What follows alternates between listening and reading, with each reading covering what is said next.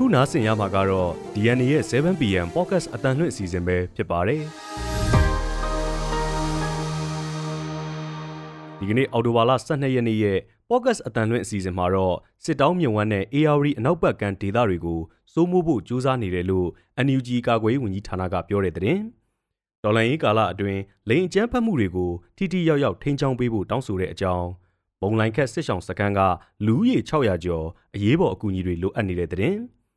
AR တိုင်းကရွာတွေမှာပြူစောထီတွေကိုလာဝက်ကြာစစ်တပ်နန်းပေးနေတဲ့တဲ့။ NUG ခေါင်းဆောင်တွေနဲ့ PDF တပ်ဖွဲ့တာဝန်ရှိသူတွေအွန်လိုင်းကတွေ့ဆုံတဲ့တဲ့။စတဲ့ပြည်တွင်းသတင်းများနဲ့အတူဟာမတ်စ်တွေလက်ကပုတ်ကာတီကလွတ်မြောက်ခဲ့တဲ့အစ္စရေးအမျိုးသမီးတွေရဲ့ဖြစ်စဉ်မှတ်တမ်းဗီဒီယိုပြန့်နှံ့နေတဲ့တဲ့။လေဒီခုံကျင်တဲ့ဆန္ဒပြေဝပြီးတပတ်အကြာမှာကွယ်လွန်သွားရှာတဲ့အသက်ရာကျော်အဖွားအိုအကြောင်းပြင်ဇာရေးဆရာလင်းခါရဲ့ဓာတ်ပုံတွေကလူဆိုတဲ့အစည်းကိုနားဆင်ရမှာဖြစ်ပါတယ်။ ဒီအစီအစဉ်ကိုတော့ကျွန်တော်မောင်သိန်းနဲ့တူနန်းခမ်းတို့ကတင်ဆက်ပေးသွားမှာပဲဖြစ်ပါတယ်။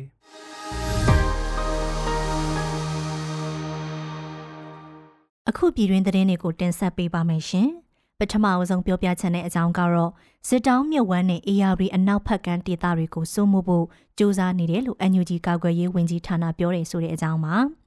ပြည်သူ့ကာကွယ်ရေးတပ်မတော် PDF နဲ့မဟာမိတ်တော်လှန်ရေးအင်အားစုတွေဟာစစ်တောင်းမြစ်ဝမ်းနဲ့ AR မြစ်အနောက်ဘက်ကမ်းဒေသတွေကိုစုမွနိုင်ဖို့စစ်စင်ရေးတွေဖော်ဆောင်နေတယ်လို့အမျိုးသားညီညွတ်ရေးအစိုးရ NUG ကာကွယ်ရေးဝန်ကြီးဌာနကအသိပေးထားပါတယ်။ကာကွယ်ရေးဝန်ကြီးဌာနပြောရေးဆိုခွင့်ရှိသူဦးမောင်မောင်ဆွေကနပတ်တကြိမ်ပုံမှန်အစီခံတဲ့အစီအစဉ်ကနေတဆင့်မနေ့ကအဲ့ဒီလိုထုတ်ဖော်ပြောဆိုလာတာဖြစ်ပါတယ်။ ပဲခူးတိုင်းအတွင်းကရန်ကုန်နေပြီးတော့အမြန်လန်းရဲ့အနောက်ဖက်ခြမ်းဖြစ်တဲ့စစ်တောင်မြစ်ဝမ်းဒေသစိုးမိုးရေးကိုဆောင်ရွက်နေသလိုပဲခူးတိုင်းအနောက်ခြမ်းနဲ့မကွေးတိုင်းဒေသတချို့ပါဝင်တဲ့အေယာရီအနောက်ဖက်ကမ်းဒေသကိုစိုးမိုးနိုင်ဖို့စစ်စင်ရေးတွေလုပ်နေတာလို့သူကပြောပါတယ်။ဒီစစ်စင်ရေးတွေဟာစစ်ကောင်စီတပ်တွေရဲ့စိုးမိုးနယ်မြေတွေထဲထိုးပေါက်ဝင်ရောက်တိုက်ခိုက်ရတာဖြစ်တာကြောင့်မဟာဗျူဟာအရအရေးကြီးတဲ့စစ်စင်ရေးတွေဖြစ်တယ်လို့လည်းဦးမောင်မောင်ဆွေကပြောပါတယ်။ ဒီစစ်စင်ရေးတွေအတွင်းပဲခူးရိုးမဒေသလည်းပါဝင်နေပြီးပဲခူးရိုးမဟာမဟာဗျူဟာအရအလွန်အရေးပါတဲ့နေရာလို့လည်းကာကွယ်ရေးဝန်ကြီးဌာနပြောရေးဆိုခွင့်ရှိသူကဆိုပါတယ်။ပဲခူးရိုးမဒေသမှာ1985ခုနှစ်နောက်ပိုင်းကစလို့ဘဲလက်နက်ကင်တပ်ဖွဲ့တွေမှာခြေမချနိုင်တော့ဘူးလို့စစ်ကောင်စီတပ်ကကြွေးကြော်ထားပေမဲ့လက်ရှိမှာ PDF တပ်ဖွဲ့တွေနဲ့မဟာမိတ်တော်လှန်ရေးတပ်တွေကစခန်းသိမ်းတိုက်ပွဲတွေအထိဆင်နွှဲနေနိုင်ပြီလို့လည်းပြောပါတယ်။ ဒုတိယသတင်းတစ်ပုဒ်အနေနဲ့ဒေါ်လာရင်းကာလအတွင်းလိန်ကျန်းဖတ်မှုတွေကိုထိထိရောက်ရောက်ထိန်းချောင်းပေးဖို့တောင်းဆိုတဲ့အကြောင်းကိုပြောပြပေးပါမယ်။လက်ရှိဒေါ်လာရင်းကာလအတွင်းဒေသအနှံ့မှာဖြစ်ပေါ်နေတဲ့လိန်ကျန်းဖတ်မှုနဲ့လိန်ပိုင်းဆိုင်ရာစော်ကားမှုအမျက်ထုတ်မှုတွေကိုထိထိရောက်ရောက်အပြစ်ပေးအရေးယူပြီးထိန်းချောင်းပေးဖို့နိုင်ငံတော်ဝန်ကတပိတ်အင်အားစု20ဝန်းကျင်ကဒီကနေ့စုပေါင်းတောင်းဆိုလိုက်ပါတယ်။ဒေါ်လာရင်းကာလနှစ်နှစ်ခွဲကျော်အတွင်းဒေါ်လာရင်းတပ်ဖွဲ့ဝင်ရဲမေတွေတက်ကြွလှုပ်ရှားသူတွေ ကလေးတငယ်တွေအမျိုးသမီးတွေအပေါ်လိမ်မိုင်းဆိုင်ရာထိပါနှောက်ယှက်အမျက်ထုတ်မှုမဖွဲမရာပြုမှုနဲ့ကိုတိလက်ရောက်ကျူးလွန်မှုတွေဟာနေရာအနှံ့ပြားမှာခက်စိတ်စိတ်ဖြစ်လာတယ်လို့တပိတ်အင်အားစုတွေကဆိုပါတယ်ဒီလိုအခြေအနေတွေကိုတားဆီးကာကွယ်ဖို့မူဝါဒချမှတ်ထားတာရှိပေမဲ့လက်တွေ့အကောင့်ထဲပေါ်နိုင်မှုအားနည်းနေတာကြောင့်ကျူးလွန်သူတွေကိုအပြစ်မပေးနိုင်တယ်လို့နစ်နာသူတွေကိုလည်းအကာအကွယ်ပေးနိုင်မှုမရှိဖြစ်နေတယ်လို့လည်းထောက်ပြထားပါတယ်။ လက်ရှိကာလအတွင်းလိမ်မိုင်းဆိုင်ရာထိပါမှုကျူးလွန်သူတွေကိုလူမှုရေးပြစ်ဒဏ်ပေးမှုမရှိသလောက်အားနည်းနေပြီးလက်ရှိကာလမှာသာမကအသွင်ကူးပြောင်းရေးကာလအထိပြစ်ဒဏ်ပေးနိုင်မှုအတွက် NUG အပါအဝင်တော်လိုင်းအင်အားစုတွေတက်ကြွလှုပ်ရှားသူတွေကြားပူးပေါင်းဆောင်ရွက်မှုအားကောင်းတဲ့နယ်လို့လည်းဆိုထားပါတယ်။ဒါကြောင့်ဒီလိုပြဿနာတွေအတွက် NUG ရဲ့သက်ဆိုင်ရာဝန်ကြီးဌာနတွေနဲ့တော်လိုင်းအင်အားစုတွေပြည်သူ့အုပ်ချုပ်ရေးအဖွဲ့တွေ EAO တွေပူးပေါင်းပါဝင်တဲ့ platform တစ်ခုကော်မတီတစ်ခုဖွဲ့စည်းဖို့လည်းတိုက်တွန်းထားပါတယ်။ အဲ့ဒီတောင်းဆိုချက်ကိုမြို့ပြဒေသအခြေစိုက်တပိတ်အင်အားစုတွေစကိုင်းမကွေးတိုင်းတို့လိုအပါအဝင်တိုင်းနယ်ပြည်နယ်တချို့ကတပိတ်အင်အားစုတွေចောင်းသားအဖွဲ့အစည်းတွေနဲ့အရက်ဖက်တော်လှန်ရေးအဖွဲ့တွေကပူးပေါင်းထုတ်ပြန်ကြတာဖြစ်ပါတယ်။ဆက်လက်ပြီးတော့မုံလိုင်ခက်စိတ်ရှောင်စခန်းကလူဦးရေ600ကျော်အရေးပေါ်အကူအညီတွေလိုအပ်နေတယ်ဆိုတဲ့အကြောင်းကိုပြောပြပေးပါမယ်ရှင်။ KIO ဌာနချုပ်တည်ရှိရာလိုင်စာမြို့နယ်တမိုင်ကျော်တာဝေးတဲ့မုံလိုင်ခက်စိတ်ရှောင်စခန်းတိုက်ခိုက်ခံရပြီးတဲ့နောက် အဲ့ဒီစခန်းမှာနေထိုင်တဲ့လူဦးရေ600ကျော်လောက်ဟာအရေးပေါ်အကူအညီတွေလိုအပ်နေတယ်လို့ဒေသတွင်းကူညီကယ်ဆယ်ရေးလုပ်ကိုင်နေတဲ့သူတွေကပြောပါတယ်။မုံလိုင်ခက်စခန်းပောက်ကွဲမှုကြောင့်အိမ်အောင်စု168စုရဲ့နေအိမ်တွေအလုံးပျက်စီးသွားခဲ့တယ်လို့မူလဒေသခံတွေရဲ့နေအိမ်တွေစာသင်ကျောင်းဖျားကျောင်းစီးတွေဟာလည်းပျက်စီးသွားတဲ့အတွက်တရွာလုံးနီးပါးရွှေ့ပြောင်းနေရာချထားပေးရတယ်လို့သိရပါတယ်။အဲ့ဒီစခန်းကစစ်ရှောင်းတွေကို လက်ရှိမှာလိုင်းစာမြို့အနီးကဝိုင်းချရိုင်စစ်ရှောင်းစခန်းရဲ့ခမ်းမဆောင်တဲ့ဖះเจ้าတမယုံမှာယာယီနေထိုင်ဖို့စီစဉ်ပေးထားပြီးအိမ်အောင်စု130ကျော်ကလူဦးရေ600ကျော်ရောက်နေတယ်လို့စစ်ရှောင်းတွေကိုကူညီပေးနေတဲ့သူတွေကပြောပါတယ်။လက်တလုံးမှာတော့ရိတ်ခါအဝတ်အထည်တွေအပါအဝင်တက်ကြီးရွယ်အိုတွေအတွက်အာဟာရတက်စာ၊ကျောင်းသားတွေအတွက်ပညာရေးပစ္စည်းတွေအပြင်အိယာဆောင်းအနှွေးထဲ ဖျားအိုးခွက်ပကံဆက်ပြားနေစရာအဆောက်အုံတွေလည်းလိုအပ်နေတယ်လို့စစ်ရှောင်းတွေကိုကူညီပေးနေတဲ့မြစ်ကြီးနားចောင်းသားများတမကအလုတ်အမှုဆောင်အဖွဲ့ဝင်ကိုကျက်စတင်ကပြောပါတယ်မုံလိုင်ခက်စစ်ရှောင်းစခန်းမှာဒီလ9ရက်ည7:00နာရီခွဲလောက်က ပောက်ကွဲမှုဖြစ်ခဲ့ပြီးစစ်ရှောင်ပြည်သူ29ဦးနဲ့လူပေါင်း60နီးပါးထိခိုက်ဒဏ်ရာရရှိခဲ့ပါတယ်။ဒါဟာစစ်ကောင်စီဖက်ကတိုက်ခိုက်တာလို့ KIA နဲ့ NUG တို့အပါအဝင်ဒေါ်လာရင်းအင်အားစုတွေဖက်ကပြောထားပြီးစစ်ကောင်စီကတော့အဲ့ဒီအချက်ကိုပယ်ချပြီးတော့စက်ခန်းအနီးတူလောင်ထားတဲ့လက်နက်ခဲယမ်းတွေပောက်ကွဲခဲ့တာလို့တုံ့ပြန်ပြောဆိုထားပါတယ်။နောက်ထပ်သတင်းတစ်ပုဒ်အနေနဲ့ AR တိုင်းကရွာတွေမှာပြူစောတီတွေကိုလောက်ဝက်ကြာစစ်တင်တန်းပေးနေတဲ့သတင်းကိုပြောပြပေးပါမယ်။ AR တိုင်းမြို့နယ်တချို့ကကြေးရွာတွေမှာပြည်သူစစ်လို့အမည်ခံထားတဲ့ပြူစောတိအဖွဲ့ဝင်တွေကိုအနောက်တောင်တိုင်းစစ်ဌာနချုပ်နာတာခလက်အောက်ခံစစ်ကောင်စီတပ်တွေက15ရက်ကြာစစ်တနန်းတွေပေးနေတယ်လို့စစ်ကောင်စီနဲ့နှီးဆက်သူတွေကပြောပါတယ်။ဒေသအတွင်းလုံခြုံရေးနဲ့စစ်ရေးအတွက်လိုအပ်ပါကစစ်ကောင်စီတပ်တွေနဲ့အတူစစ်ကြောင်းထိုးတာတွေစစ်စင်ရေးလုပ်တာတွေမှာအင်အားဖြည့်တင်းမှုဖြစ်တယ်လို့အနောက်တောင်တိုင်းစစ်ဌာနချုပ်စခန်းရုံးနဲ့နှီးဆက်သူတွေကပြောပါတယ်။ လက်ရှိအော်တိုဘာလဆန်းပိုင်းကစပြီးပြူစောတိအဖွဲ့ဝင်တွေအဖြစ်စုဆောင်းထားသူတွေနဲ့ရွာကန်မိသက်အဖွဲ့ဝင်တွေကိုအခြေခံစစ်ပညာသင်တန်းနဲ့လက်နက်ငယ်စစ်သင်တန်းပေးနေတာလို့ဆိုပါတယ်။အဲ့ဒီသင်တန်းတွေမှာတနက်၅လက်လောက်နဲ့အခြေခံလက်နက်တက်ဆင်ပစ်ခတ်မှုတွေကိုလက်တွေ့သင်ပေးတာရှိသလိုစစ်ကောင်စီထောက်ခံတဲ့အမာခံတွေရဲ့နေအိမ်တွေမှာစာတွေ့အနေနဲ့သင်ပေးတာမျိုးတွေလည်းရှိတယ်လို့စုံစမ်းသိရှိရပါတယ်။စစ်ကောင်စီတပ်စခန်းအခြေစိုက်ရာမြို့နယ်နီးတဲ့ကျေးရွာတွေက ပြူစောတိတွေကိုအခြေစိုက်တပ်စခန်းအတွင်ခေါ်ယူတင်နန်းပေးတာဖြစ်ပြီးတပ်စခန်းနဲ့ဝေးတဲ့နေရာတွေကိုတော့အနောက်တောင်တိုင်းစစ်ဌာနချုပ်လေးကျင်ရေးတပ်နီးပြတွေကရွာတွေမှာလာပြီးတင်နန်းပေးတာလို့ဒေသခံတွေကပြောကြပါဗျ။ AR တိုင်းတွင်းမှာပြူစောတိအဖွဲ့တွေကိုတမျိုးနယ်မှာတက်ခွဲတက်ခွဲပုံစံနဲ့အင်အား60ကနေ90ကြားလောက်အထိစုဆောင်းကပြီးခဲ့တဲ့2022ခုနှစ်မှာစတင်ဖွဲ့စည်းခဲ့တာလို့စစ်ကောင်စီနဲ့နှီးစပ်တဲ့ဒေသခံတွေကပြောပါဗျ။ဆက်လက်ပြီးပြောပြချင်တဲ့အကြောင်းကတော့ NUG ကောင်းဆောင်တွေနဲ့ PDF တပ်ဖွဲ့တာဝန်ရှိသူတွေအွန်လိုင်းကတွေ့ဆုံနေဆိုတဲ့အကြောင်းပါ။ယာယီတမ်ဒတူဝါလက်ရှိလဝန်ကြီးချုပ်မန်းဝင်းခိုင်တန်းတို့အပါအဝင် NUG အစိုးရအဖွဲ့တာဝန်ရှိသူတွေနဲ့ဒေသအသီးသီးက PDF တပ်ဖွဲ့တာဝန်ရှိသူတွေဟာအော်တိုဘာလ10ရက်နေ့ကအွန်လိုင်းကနေတွေ့ဆုံခဲ့ကြတယ်လို့ကာကွယ်ရေးဝန်ကြီးဌာနကထုတ်ပြန်ထားပါတယ်။ ဒီတွေ့ဆုံပွဲဟာ NUG ကောင်းဆောင်တွေက PDF တပ်ဖွဲ့တာဝန်ရှိသူတွေကိုတွေ့ဆုံအားပေးတဲ့ပွဲဖြစ်တယ်လို့ထုတ်ပြန်ချက်မှာဖော်ပြထားပါတယ်။တွေ့ဆုံမှုအတွင်းပြည်ထောင်စုလွှတ်တော်ကိုစားပြုကော်မတီ CRPA ဥက္ကဋ္ဌဦးအောင်ကြည်ညွန့်လည်းပါဝင်ခဲ့ပြီး NUG ဖက်ကတော့ယာယီတမ်ဒဝန်ကြီးချုပ်တို့နဲ့အတူဝန်ကြီးတူဝန်ကြီးတွေဌာနဆိုင်ရာတာဝန်ရှိသူတွေပါဝင်တာတွေ့ရပါတယ်။ပြည်သူ့ကာကွယ်ရေးတပ်မတော် PDF တပ်တွေဖက်ကတော့ စစ်ရုံးချုပ်အရာရှိတွေစစ်ဒေသစစ်တိုင်းဌာနချုပ်တိုင်းစစ်ဌာနတာဝန်ရှိသူတွေပြည်내တိုင်းခရိုင်တွေကပကဖတာဝန်ရှိသူတွေတက်ရောက်ခဲ့ကြတယ်လို့သိရပါဗျ။အဲ့ဒီတွေ့ဆုံပွဲမှာမုံလိုက်ခက်စစ်ဆောင်စခန်းတိုက်ခိုက်ခံရမှုကြောင့်တေဆုံးခဲ့ရတဲ့ခလေးငယ်တွေနဲ့အရသားတွေအတွက်စက္ကန့်30ကြာငြိမ်သက်ဆူတောင်းပေးခဲ့ကြတယ်လို့လည်းဖော်ပြထားပါတယ်။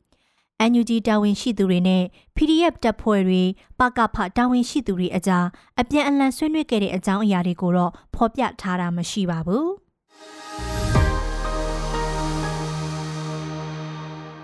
။ဆက်လက်ပြီးတော့နိုင်ငံတကာသတင်းတွေကိုတင်ဆက်ပေးပါမယ်ရှင်။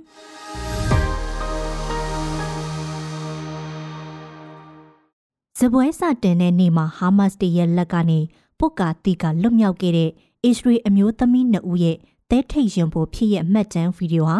လူမှုကွန်ရက်ပေါ်မှာအတော်လေးပြန့်နှံ့နေပါတယ်။အောက်တိုဘာလ9ရက်မှာပါလက်စတိုင်းပျောက်ကြားအဖွဲ့ဟာမတ်စ်ကအစ္စရေးတောင်ပိုင်းမှာရှိတဲ့မြို့ရွာတွေကိုအလစ်စင်းနဲ့တိုက်ခိုက်ခဲ့ပြီးအစ္စရေးအရက်သားတွေကိုပြစ်မှတ်ထားဖမ်းဆီးတပ်ဖြတ်တာတွေကျူးလွန်ခဲ့ပါတယ်။ရာချီနီကြီးရွာတွေကလုံခြုံရေးကင်မရာမှတ်တမ်းဗီဒီယိုတစ်ခုထဲမှာတော့အစ္စရေးအမျိုးသမီးနှစ်ဦးဟာဟာမတ်စ်ရဲ့ဖမ်းဆီးခြင်းကိုခံခဲ့ရပြီးမှ တေဘေးကနေလက်မတင်လေလွတ်မြောက်သွားပုံကိုတွေ့ရပါတယ်။လုံခြုံရေးကင်မရာမှတ်တမ်းတွေအရအမျိုးသမီးနှစ်ဦးဟာကားထဲကဆင်းပြီးခြံဝင်းတစ်ခုတည်းဝင်ပြေးခဲ့ကြတာမြင်နိုင်ပါတယ်။သူတို့နောက်ကနေဟာမတ်တီဟာကားတစ်စီးနဲ့လိုက်လာပြီးအမျိုးသမီးတွေကိုခြံထဲထိလိုက်လံဖမ်းဆီးခဲ့ပါတယ်။ပြီးတော့သူတို့ကိုတနက်နဲ့ချိန်ပြီးဖမ်းဆီးခေါ်ဆောင်လာချိန်မှာလမ်းတစ်ဖက်ကနေရောက်လာတဲ့ကြီးရွာလုံခြုံရေးတပ်ဖွဲ့ဝင်တွေကဟာမတ်တွေနဲ့အပြန်အလှန်ပစ်ခတ်ခဲ့ပါတယ်။ အမျိုးသမီးနှစ်ဦးဟာတိုက်ပွဲငယ်ဖြစ်တဲ့နေရာမှာကြားညက်ပြီးပိတ်မိနေခဲ့ပေမဲ့ကံကောင်းထောက်မစွာနဲ့အသက်ဘေးကလွတ်မြောက်ခဲ့ပါတယ်။နောက်ဆုံးမှာတော့ဟာမတ်တွေထွက်ပြေးသွားပြီးသူတို့ကိုအစ္စရေးလုံခြုံရေးတပ်ဖွဲ့တွေကကယ်တင်နိုင်ခဲ့ပါတယ်။အစ္စရေးအစိုးရရဲ့ထုတ်ပြန်ချက်အရဟာမတ်တွေရဲ့လက်ချက်ကြောင့်အစ္စရေးဘက်ကအယက်သားအများစုအပါအဝင်1200ကျော်တည်ဆုံးခဲ့ကြောင်းသိရပါတယ်။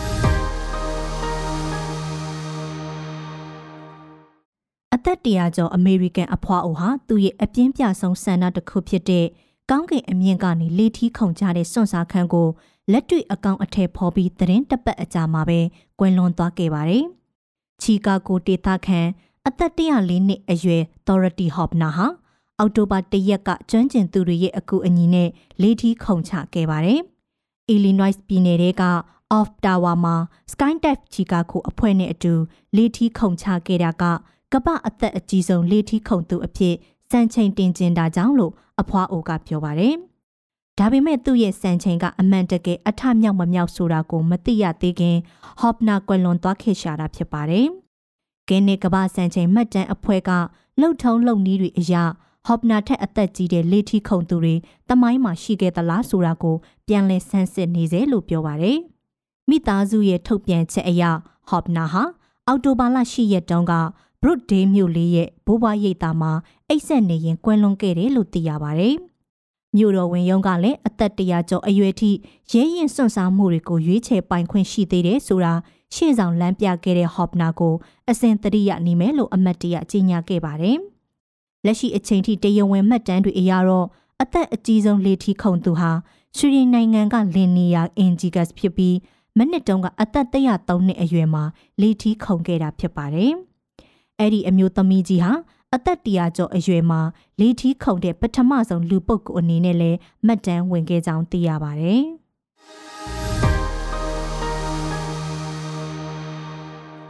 အခုဆက်လက်ပြီးစာရေးဆရာလင်းခါရဲ့ဓာတ်ပုံတွေကလူဆိုတဲ့အစည်းကိုနားဆင်ရမှာပဲဖြစ်ပါတယ်ကျွန်တော်ရဲ့လူအုပ်ထဲအထီးကျန်မှုအစည်းစောက်ထဲဓာတ်ပုံတွေကလူဆိုတဲ့ တပုတ်ကိုဖတ်ပြခြင်းပါတယ်လွန်ခဲ့တဲ့တစ်နှစ်ခွဲဒါမှမဟုတ်နှစ်နှစ်သုံးနှစ်လည်းဖြစ်ချင်းဖြစ်လိမ့်မယ်ထင်တယ်အဲ့ဒီတော့ကတရက်မှာကျွန်တော်ကအခုအခါမှာမျက်လုံးကိုမှိတ်ခေါင်းကိုထုလေကိုညှစ်အံကိုကြိတ်စသဖြင့်ဘလို့စဉ်းစားစဉ်းစားရှိနေခဲ့တာကလွဲလို့အခြားဘာကိုမှမမမိနိုင်တော့တဲ့ပွဲအခမ်းအနားတစ်ခုတည်းကိုရောက်နေခဲ့မှုဘာထိမ့်မှတ် ဘာပွဲမမမိတဲ့အပြင်ဘယ်မြို့ဘယ်နေရာမှာကျင်းပတယ်ဆိုတာကိုတော့ကျွန်တော်မမမိတော့တာတော်တော်တော့အံ့ဩဖို့ကောင်းတယ်ကျွန်တော်ကအဲ့ဒီမှာရှိနေခဲ့တာတော့သိကြတယ်ကျွန်တော်ရှိနေခဲ့တဲ့ဆိုကြတဲ့ကအဲ့ဒီကိုကျွန်တော်သွားခဲ့လို့ပေါ့ပွဲတစ်ခုကိုကျွန်တော်သွားတယ်ဆိုရင်တေချာတော့အဲ့ဒီပွဲကိုလာကြမဲ့လူတွေရဲ့တဝက်လောက်ကိုကျွန်တော်သိနေမှာပဲအဲ့လိုမှသိမနေရင်လည်းကျွန်တော်ကပွဲတွေတွားလေမရှိခဲ့ဘူးပါဘူးဒါပေမဲ့ကျွန်တော်သိတဲ့တယောက်တလေကိုမှ အဲ့ဒီနေ့မှာတွေ့ခဲ့ရတယ်လို့မမမိအိမ်မက်လိုလိုဖြစ်နေမိတယ်ဒါပေမဲ့အိမ်မက်မဟုတ်တဲ့အကြောင်းဓာတ်ပုံတစ်ပုံကတက်တည်တစ်ခုဖြစ်ကျွန်တော်ဖုန်းထဲမှာရှိနေခဲ့တယ်ဒါပေမဲ့ကျွန်တော်ပုံတော့လည်းမဟုတ်ဘူးတမန်လင်းပေါ်မှာမိုးကာစခင်းထားပြီးအဲ့ဒီမိုးကာစကျမ်းမြေပေါ်မှာလူတွေအစီအီထိုင်နေကြတယ်အစီအီထိုင်နေတဲ့လူတွေရဲ့နောက်ဆုံးတန်းနဲ့10ပေလောက်အကွာမှာကြောက်ခုံတစ်ခုံရှိတယ်အဲ့ဒီကြောက်ခုံပေါ်မှာကျွန်တော်ကထိုင်နေခဲ့တယ် အဲ့ဒီတော့လူတော်တော်များများရဲ့နောက်ကျောနဲ့အတူအခမ်းအနားရဲ့ဟိုးရှေ့ဆုံးမှာအသက်ခက်ကြီးကြီးလူတယောက်ခြေဟန်လက်ဟန်တွေနဲ့စကားပြောနေတာကိုအပေါ်စီးကလိုမြင်နေရတာပေါ့မြင်နေရတယ်ဆိုပေမဲ့လည်းအဲ့ဒီပုံကိုကြီးဘာတွေပြောနေတယ်ဆိုတာကိုကျွန်တော်မကြားရဘူးတိတ်ဝေးလွန်းလို့တော့မဟုတ်မှမထင်ဘူးအတန်ချက်ဆက်မတုံးတာကြောင့်ပဲလားကျွန်တော်ကိုယ်တိုင်ကကြည်ုံတက်တက်ကြည်နေပြီးစိတ်လွင့်နေလို့များလာတော့မမမိဘူး သူဘာတွေပြောနေတယ်ဆိုတာကိုကျွန်တော်သိကိုမသိတာအဲ့ဒီလူကြီးစကားပြောနေစဉ်မှာပဲအောက်မှာထိုင်နေတဲ့လူတွေကတချို့ဟာသူတို့ချင်းလဲပခုံးပုတ်လို့လက်တို့လို့တီးတို့တီးတို့ပြောသူပြောတချို့ကကုန်းကုန်းကွက်ကွက်နဲ့ရှေ့နားကိုတိုးတူတိုးလူတချို့ကလည်းအပေါ်စီးကနေဘယ်နေရာလွတ်နေတယ်တစ်ချက်ကြည့်လိုက်ပြီးအဲ့ဒီနေရာစီရောက်ဖို့ကြိုးစားလို့ကြိုးစားတသက်ရရဖြစ်မနေပဲဖွာတတာဖြစ်နေတဲ့ပွဲတစ်ပွဲထင်ပါရဲ့ တချို့လူတွေကလည်းထိုင်နေကြတဲ့သူတွေကနေပြီးတော့ကုန်းယုံထွက်လာကြပြီးလူအုပ်ရဲ့နောက်ဆုံးစီကိုတွန်းထိုးလာခဲ့ပြီးလူရန်အပြင်ကိုရောက်လာကြတယ်ကျွန်တော်ထိုင်နေတဲ့အုတ်ကုံနာအထိရောက်လာကြတာပေါ့ပြီးတော့စေဘောလိတ်ဖွာတဲ့သူကပွားတယ်တချို့လဲစက်ကူလေးကလေးတွေဖြေပြီးကွန်းထုတ်ဝါနေကြတယ်အဲ့ဒီအထိကျွန်တော်မှတ်ညံတဲ့ပုံရိပ်တွေကအိမ်မက်လိုလိုဝေဝေဝါးဝါချီပါပဲကျွန်တော်ကိုယ်တိုင်ဟာအဲ့ဒီလူရန်နောက်မှာဗကိစ္စငုံတုတ်တွားထိုင်နေခဲ့ပြီး ဗကိစ္စနဲ့လူတွေရဲ့လှုပ်ရှားပြုမှုပုံတွေကိုလိုက်မှတ်သားနေပြီးမပြောနိုင်ပါဘူးဒါပေမဲ့လည်းကျွန်တော်ကျင့်ကိုကဘယ်နေရာရောက်ရောက်လူတွေရဲ့အပြုမှုတွေနဲ့ပတ်သက်လို့စိတ်ဝင်စားကြည့်နေငေးနေတတ်သူမို့ထူးဆန်းတဲ့ကိစ္စတော့လည်းမဟုတ်ပြန်ဘူးသို့တော့အဲ့ဒီနောက်မှာဖြစ်တဲ့ဖြစ်ရတဲ့ခုကိုတော့လုံးဝကြည်လင်ပြတ်သားသွားကျွန်တော်မှတ်မိနေပါတယ်ရှေ့ကစကားပြောနေတဲ့ပုံကိုကြီးကလည်းအရှိန်မပြတ်ဘာတွေပြောနေမှမသိပေမဲ့ပြောနေစေ လူတွေကလည်းအခမ်းအနားလူတွေတိုးဝင်သွားလိုက်ပြန်ထွက်လာလိုက်လုံနေစေအချိန်မှာကျွန်တော်ဘေးနာကိုအသက်4-50လောက်ရှိမယ်ထင်ရတဲ့လူတစ်ယောက်လာရက်တာကိုတတိထားမိလိုက်ပါတယ်လူကပင်ပင်ပါပါစာရေးဆရာတွေလွယ်ဤလွယ်တယ်လို့လွယ်ထားတယ်စာရေးဆရာတယောက်ပဲဖြစ်မယ်ထင်ပါတယ်တက်အပ်တော့မပြောနိုင်ဘူးလွယ်ဤကိုအဲ့လိုလွယ်တိုင်းစာရေးဆရာတွေမဟုတ်ကြတာကိုလည်းကျွန်တော်သိပါတယ်သူ့လွယ်ဤကလည်းတော်တော်ကိုရှိတယ် ရှေလုံးလို့လွယ်ဤအောက်ခြေကအမွေးဖွားနှစ်ဖက်ကသူ့ခြေမျက်စိကိုပုတ်တက်နေတယ်အဲ့ဒီနေ့နဲ့ပတ်သက်လို့ကျွန်တော်မှတ်ဉာဏ်မှာထင်နေသည်များအစောပိုင်းအရာအကုန်လုံးဟာဝရဝါဒအချီလူတွေအပြုတ်မှုတွေပါတယ်ဆိုပေမဲ့လူတွေရဲ့မျက်နှာလိန်စသဖြင့်အတော်တော်ကြီးကိုမကွယ်ဘူးအဲ့ဒီလူကျွန်တော်နဘေးလာရက်လိုက်ပြီးနောက်ပိုင်းဖြစ်ရတွေကကျွန်တော်မှတ်ဉာဏ်မှာကြီးကြီးလင်းလင်းဖြစ်လာတယ်လူတွေအများကြီးကျွန်တော်နဘေးနာမှာလာရက်လိုက်ထွက်သွားလိုက်လုံနေတဲ့အထဲကမှ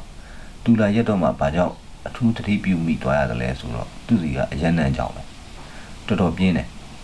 သူ့နဲ့ကြောင့်ကျွန်တော်မူးကျင်ခြင်းဖြစ်သွားတယ်ပြင်းထန်တဲ့ဘီနဲ့အနမ်းကြောင့်သူ့မျက်နှာကိုကျွန်တော်တတိထားကြည့်မိသွားတယ်မျက်နှာဟာဖူးရောင်ဖော့တွလို့ပါပဲကျွန်တော်တို့ကတော့ဘီတွေတောက်ရင်ဖော့တွနေတဲ့မျက်နှာတွေဆိုတာကိုအချိန်ချင်းမြင်မှုနေကြမှုအတာလွတ်လွတ်ဥလို့ဖော့တွလို့နေတဲ့သူ့မျက်နှာကိုတစ်ချက်ကြည့်လိုက်ပြီးတဲ့နောက်အထူးဆန်းတယ်လို့ပဲမျက်နှာလွှဲလိုက်တယ် သူကျွန်တော်ကိုပြောပြလိုက်တာကိုမျက်လုံးလွှဲမှာမျက်လုံးတောင်းကနေလှမ်းမြင်လိုက်ရပါမယ်လွှဲပြီးသားမျက်နှာကိုပြန်လှည့်ပြီးပြန်ပြုံးပြဖို့ကျွန်တော်မကြိုးစားတော့သူ့ပြောင်းကိုမသိကျင်အောင်စောင့်နေလိုက်မိတယ်သူကကျွန်တော်တပီးမှာတော်တော်ကြကြရက်တည်သေးပဲညလုံးကမမြင်ရပေမဲ့အနံ့ကြောင့်တည်နေခဲ့တာအဲ့ဒီချိန်မှာအခန်းသားရဲ့ဝင်ပေါက်မိုးဦးစီကနေနာမည်တော်အဆူတော်ကြီး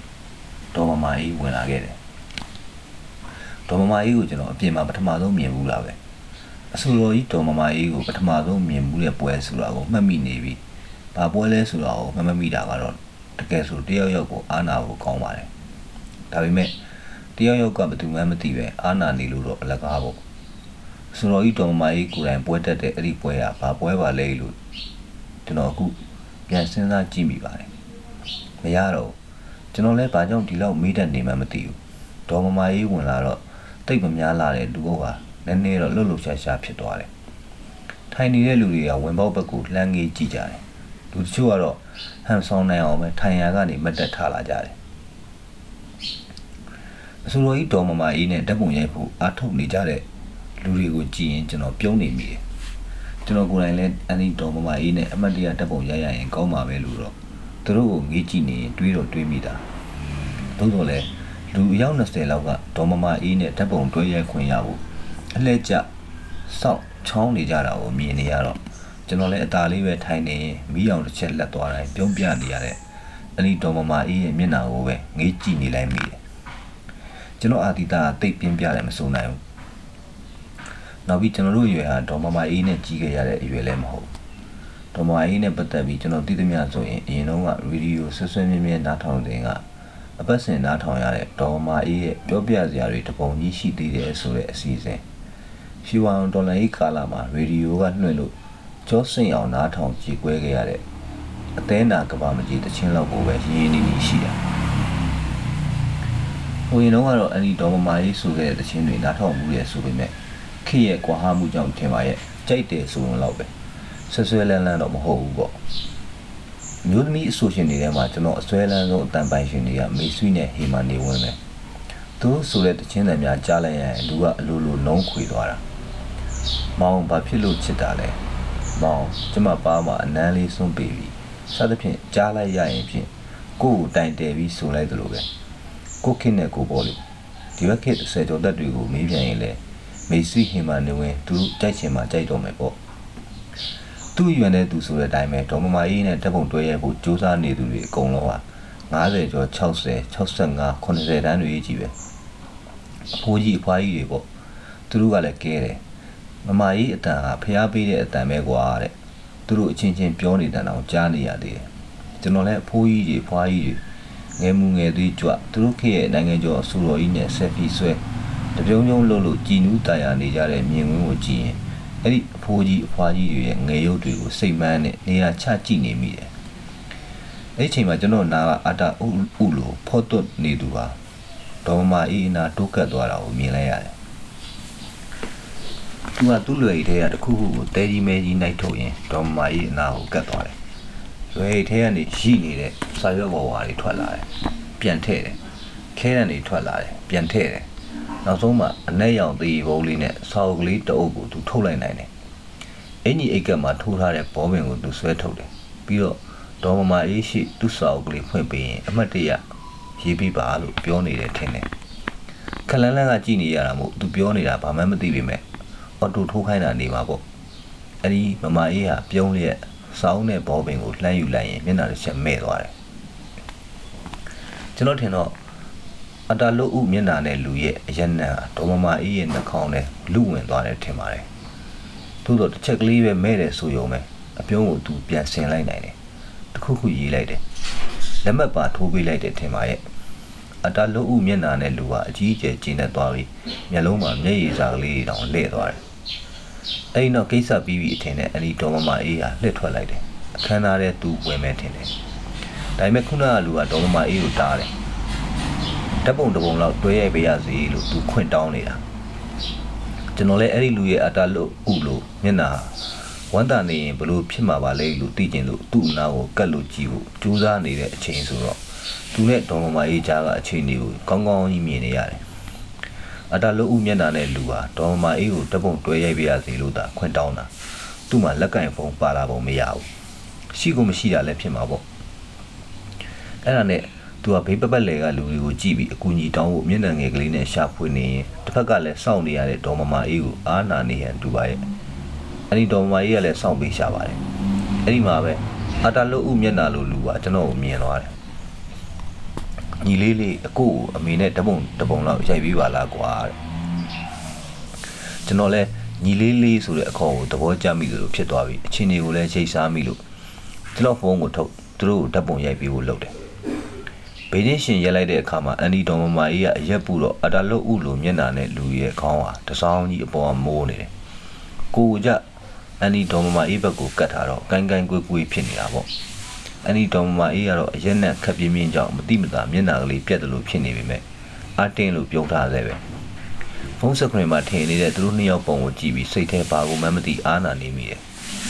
ပြီးတော့ခက်တွတ်တွတ်ပဲစိတ်ချရအောင်သုံးပုံလောက်ရိုက်လိုက်တယ်အဲ့ဒီနောက်အနီတော်မမအေးဟာဘသူမှတပ်ပုံတွဲရိုက်မခံတော့ပဲ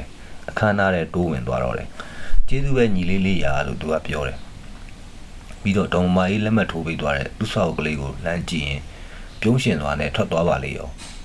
ဟုတ်ကဲ့ရပါတယ်လို့ကျွန်တော်လည်းပြန်ပြောလိုက်တယ်တခြားလည်းထူထူထူထူမတွေးမိဘူးကျွန်တော်ဖုန်းထဲကသူနဲ့တော်မမအေးရိုက်ထားတဲ့ပုံကိုပွဲမပြီးခင်ကလေးတနည်းနည်းနဲ့တော့သူလာယူမှာပဲလို့တွေးပြီးသူ့ကိုဘာမှမပြောပြတော့ဘူးသူထွက်သွားတာကိုဘယ်နဲ့မှမနေမိဘူးသူကလည်းစောက်ကလေးကင်ထွက်သွားပြီးတဲ့နောက်ဘယ်ရောက်သွားမှန်းတော့မသိတော့ပေါ်မလာတော့အဲ့ဒီအခမ်းအနားပြီးတော့ကျွန်တော်အိမ်ပြန်ခဲ့တယ်ရိုက်ပေးမိခဲ့တဲ့ဓာတ်ပုံသုံးခုကိုလည်းရေဆေးချလိုက်တယ်လို့ကျွန်တော်မိသွားပါလေရော အဲ့လိုနဲ့အခုဆိုရင်အဲ့ဒီအဖြစ်အပျက်ကလေးဖြစ်ခဲ့တာတစ်နှစ်ခွဲဒါမှမဟုတ်နှစ်နှစ်သုံးနှစ်လောက်ကြာချင်းကြာခဲ့လောက်ပြီးထင်ပါတယ်ကျွန်တော်ဖုန်းအဟောင်းလေးထဲမှာအခုထိဒေါ်မမအေးနဲ့အတလုတ်ဦးနဲ့တူနေတဲ့မျက်နှာပိုင်ရှင်တို့တွဲရိုက်ထားတဲ့ပုံရှိနေသေးပဲအဲ့ဒီလူကဘယ်သူမှကျွန်တော်မသိဘူးဒေါ်မမအေးလည်းသိလိမ့်မယ်မထင်ဘူးဒါပေမဲ့ဒေါ်မမအေးနဲ့ဓာတ်ပုံတွဲရိုက်လိုက်ရလို့ဖော့တွနေပေမဲ့လည်းပြုံးရွှင်နေတဲ့မျက်နှာနဲ့ငုံကိုင်းကိုင်းအဲ့ဒီလူပုံကကျွန်တော်ဖုန်းထဲမှာရှိနေစေ ဖြတ်ပြစ်လိုက်ရမလားဒါမှမဟုတ်ဓာတ်ပုံသွားထုတ်တတိတွေ့တော့ပြီးတာပေါ့လို့တင်ထားရမလားနေများစွာမှာဝေခွဲမရဖြစ်နေခဲ့ရတယ်။ဒီနေ့တွေ့တော့ဆိုပေမဲ့ကျွန်တော်စိတ်ထဲဒီလူနဲ့နောက်တစ်ချိန်တွေ့ရလိမ့်မယ်မထင်တော့ဘူး။ဘာကြောင့်မှတော့မသိပေမဲ့အဲ့ဒီလိုပဲခံစားရပါတယ်။နောက်ပြီးအဲ့ဒီဓပုံကိုကြည့်မိတိုင်းဆရာဦးဝင်းဖေရေးတဲ့တရားမှန်ကူအုံးမှန်ကူဆိုတဲ့ဝတ္ထုတိုလေးတစ်ပုဒ်ကိုလည်းဘာရမဟုတ်သွားတတိယနေမိတယ်။အဲ့ဒါစမ်းကြယ်တယ်လို့သင်မထင်ဘူးလား။ ကျွန်တော်ကဘယ်သူမှမသိတဲ့ကျွန်တော်ကိုလည်းဘယ်သူမှသိမှာမဟုတ်တဲ့လူတစ်ယောက်အဲ့ဒီလူတစ်ယောက်နဲ့နိုင်ငံကျော်အဆိုတော်ကြီးဒေါ်မမာအေးတို့တွဲရိုက်ထားတဲ့တပ်ပုံဟာသူတို့နှစ်ယောက်စလုံးနဲ့လုံးဝမသိတဲ့ကျွန်တော်ဖုန်းထဲမှာအတော်ကြာကြာရှိနေခဲ့တာလေလင်ခါ